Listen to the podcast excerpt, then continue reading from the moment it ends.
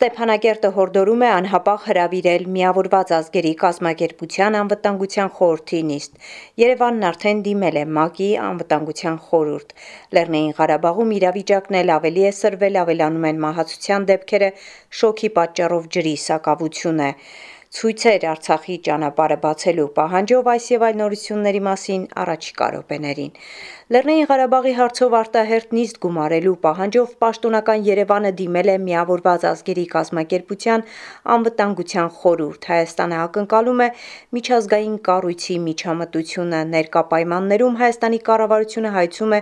ՄԱԿ-ի անվտանգության խորհրդի որպես գլոբալ անվտանգության ապահովման եւ զանգվածային ոճրագործությունների ներառյալ պատերազմական հանցագործությունների, էթնիկ զտումների, մարդկության դեմ հանցագործությունների եւ ցեղասպանությունների կանխարգելման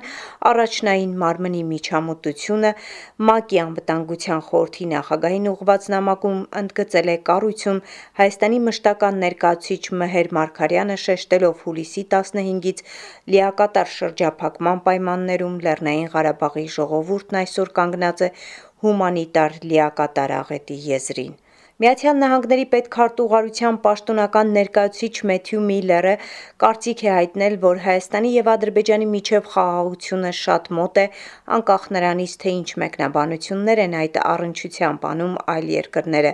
Միլլերն այդպես է մեկնաբանել. Ռուսաստանի արտգործնախարարության պաշտոնյայի օրերս արած մեկնաբանություններն այն մասին, որ երկու երկրների միջև հապճեպ պատրաստված խաղաղության պայմանագիրը տարածաշրջանին կայուն խաղաղություն չի բերի եւ նույնիսկ կարող է նոր հակամարտությունների հիմքեր ստեղծել։ Իսրայելում գործող հայկական մշակույթի եւ կրթության նոյանտապան կենտրոնի անունից պաշտոնական ուղերձ է հղվել Իսրայելի իշխանություններին, մասնավորապես Իսրայելի նախագահին, օգտագործել իր ազդեցությունն ու կապերը կանխելու համար Արցախի ժողովրդին սպառնացող զանգվածային սովը։ Լեռնային Ղարաբաղում ճգնաժամն այն աստիճան է ծավալվել, որ պետք է միջազգային իրավական գնահատական տրվի։ Վարչապետ Փաշինյանն է հայտարարել կառավարության նիստում։ Ստեղծված իրավիճակի լավագույն լուծումը Ադրբեջանի կողմից Լաչինի միջանցքի ապօրինի արգելափակման վերացումն է Ստեփանակերտ-Բաքու երկխոսության մեկնարկը միջազգային մեխանիզմների շրջանակներում, ասել է վարչապետը, անդրադառնալով Լաչինի միջանցքի շրջափակման հետևանքով Ղարաբաղում ստեղծված հումանիտար ճգնաժամին։ Հայաստանի Հանրապետությունը իր հերթին շարունակում է վերահաստատել իր հավատարմությունը խաղաղության օրակարգին եւ պաշտոնական Բաքվին կոչ է անում ձեռնպահ մնալ խաղաղություն հաստատելու պատմական հնարավորությունը զրոյացնելուն ուղված քայլերից։ Նախկին արտգործնախարար Վարդան Օսկանյանը կոչ է արել Նիկոլ Փաշինյանին հրաժարվել ադրբեջանի տարածքային ամբողջականությունը ճանաչելու մասին հայտարարությունից։ Նախկին արտգործնախարարը նկատի ունի անցած տարի Պրահայում արված հայտարարությունը, որով Բաքուն եւ Երևանը ճանաչել են միմյանց տարածքային ամբողջականությունն ու ինքնիշխանությունը Ալմա-Աթայում 1991-ին ստորագրված հրճակագրի հիման վրա։ Փաշինյանը մեծ սխալ է արել Պետք է Փաշինյանը ընդունի այդ սխալը եւ ուղի։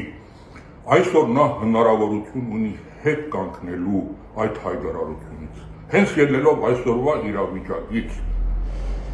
ինքը կարող է հստակ ասել, որ ես ինչ-որ բան եմ փորձել, բայց տեսնում եմ, որ մեր հագարագործը դա չարաշահում է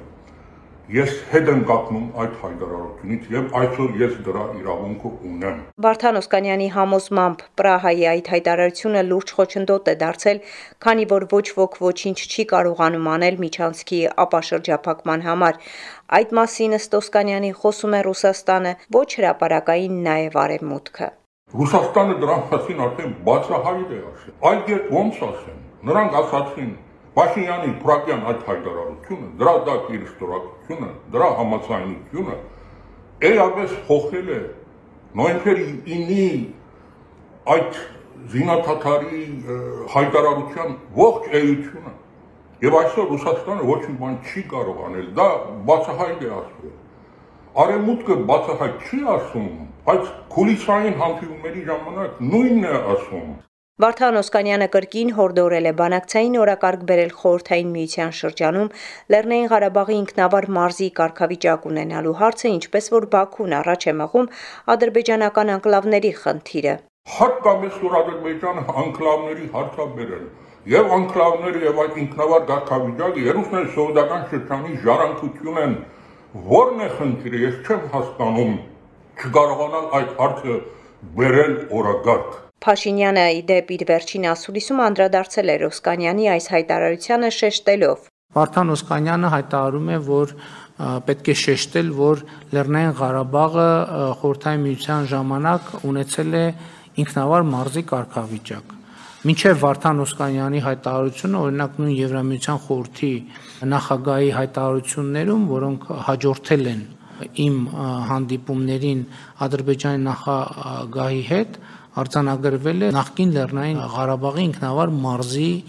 այդ եզրույթը եւ վերջին հանդիպման ընթացքում էլ է դա արձանագրվել Ստեփանակերտը միավորված ազգերի կազմակերպության անվտանգության խորհրդի նիստ է պահանջում, որը կքննարկի իրավիճակը եւ բանաձև կընդունի պարտավորեցնելով Ադրբեջանին անհապաղ ապաշրջափակել Լաչինի միջանցքը։ Միավորված ազգերի կազմակերպության ամբողջ համակարգից արցախցիները պահանջում են փաստահավաք առաքելություն այս մասին հայտարարել է Արցախի նախագահ Արայիկ Հարությունյանն անցած շաբաթ։ Ավելի քան 8 ամսվա շրջափակումից հետո Հարությունյանը հրատապ ուղերձով դիմել է միջազգային հանրության դերակ կատարներին Արցախի ժողովրդի ցեղասպանությունը կասեցնելու եւ շրջափակումը վերացնելու համար հրատապ գործողություններ ձեռնարկելու ակնկալիքով։ Քանի ուշ չէ, ասել է Արցախի նախագահը միջազգային հանրությանը հորդորելով իրապես գործել։ Արդյոք հարց չի ցակում, թե ո՞րն է Արցախի ժողովրդին այսպիսի լիակատար մեկուսացման ենթարկելու Ադրբեջանի մղումը։ Քաղաքական բանակցությունների համար պատասխանատու միջնորդներին ուղված կոչը մի քանի կետերով է.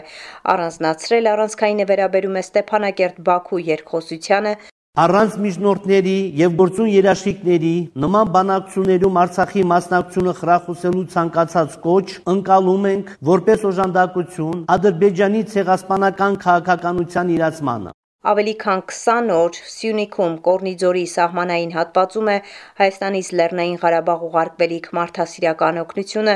Լեռնային Ղարաբաղում հումանիտար ճգնաժամի կառավարման աշխատանքային խմբի ներկայացուցիչ Վարդան Սարգսյանի խոսքով. Այս պայդրությամբ ցավոք նորություններ չկան ուղեբեռը Լեռնային Ղարաբաղ տեղափոխելու հետ կապված դեռևս քննարկումները շարունակվում են։ Հույս ունենք, որ դրանք ի վերջո հաջողությամբ կսակվեն եւ հնարավոր կլինի ուղեբեռի տեղափոխել Լեռնային Ղարաբաղ։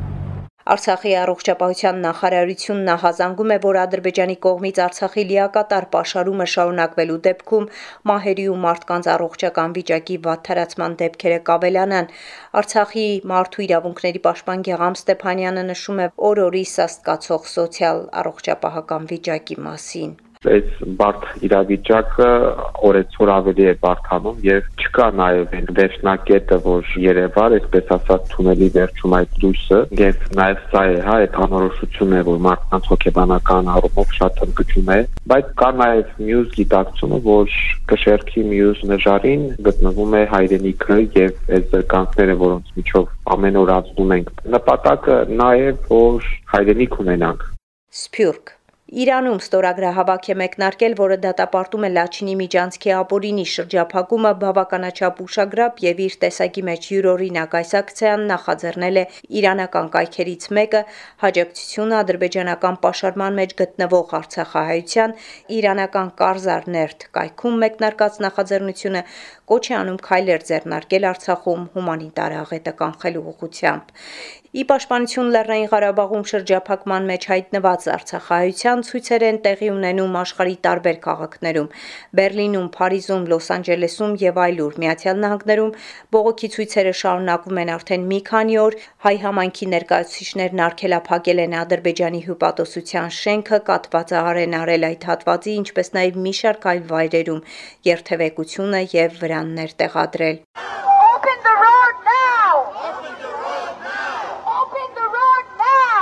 Open the road now! We want answers! We need your help! We need your help! Adam Schiff, come out now! Adam Schiff, come out now! Stop genocide now! Stop genocide now! Շրջափակման ենթարկված Արցախում մերազգի զավակները սովամահ լինելու անմիջական վտանգի ենթակա են։ Այս մասին օգոստոսի 12-ին Սուրբ Աստվածածնի վանքի ուխտի պատարակից հետո իր ելույթում ասել է. Մեծի տան Անկիլիկիո կաթողիկոս Արամ Արաչինը նշելով, որ իր հայրապետական падգամը մի քանի հասցեատեր ունի Հայաստանի իշխանություններին, Սփյուռքին, միջազգային կառույցներին։ Այսքանը անցած շաբաթը Հայաստանում, Արցախում եւ Սփյուռքում էսբեսի համար ամփոփեց Գիտա Էլիբեկյանը։